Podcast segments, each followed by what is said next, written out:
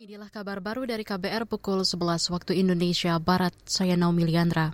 LSM Pemantau Korupsi Indonesia ICW mendorong DPR segera membahas rancangan undang-undang RUU perampasan aset.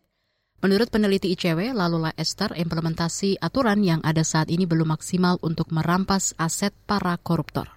Tentu RU perampasan aset diharapkan akan memberikan landasan yang lebih tegas. Kalau misal asumsinya adalah penegak hukum ini sangat-sangat positivistik, tentu keberadaan RU perampasan aset ini akan membantu. Karena memang ada sejumlah hukum acara mungkin ya dari sisi tataran formalnya itu yang masih ada gapnya dalam peraturan yang ada sekarang. Sehingga ketika ada RU perampasan aset nanti disahkan, mudah-mudahan gap itu akan tertutup, akan dijembatani lah. Sehingga dari sisi prosedur itu dia semakin jelas. Peneliti ICW Lalula Esther menambahkan sepanjang tahun lalu total kerugian negara akibat korupsi mencapai 48 triliun rupiah. Lalula meyakini keberadaan Undang-Undang Perampasan Aset akan memaksimalkan upaya pemulihan kerugian keuangan negara akibat korupsi.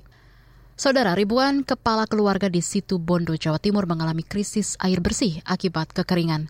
Kepala Bidang Kedaruratan dan Kesiapsiagaan Badan Penanggulangan Bencana Daerah BPBD Situbondo, Gatot Trikorawan, mengatakan mereka tersebar di tiga kecamatan yaitu Subo, Arjasa, dan Banyu Putih.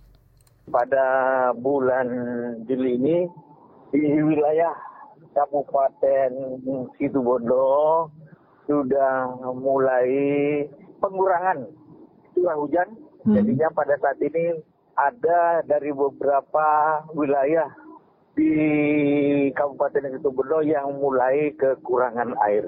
Kurang lebih di setiap dusun itu ada kisaran 300 sampai 400 kakak.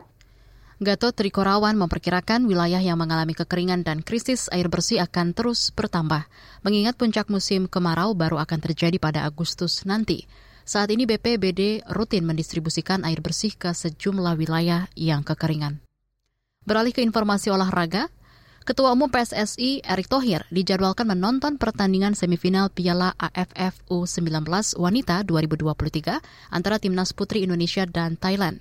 Pertandingan digelar di Gelora Sriwijaya Jakabaring Palembang, Sumatera Selatan pukul 19.30 waktu Indonesia Barat.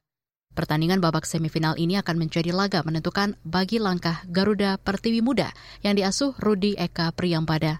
Rudi menyebut akan menggunakan strategi permainan efektif dan taktik pemain. Pada laga semifinal lain, timnas U19 Vietnam yang berstatus juara grup B akan melawan Myanmar sebagai runner-up grup C. Demikian kabar baru saya Naomi Liandra.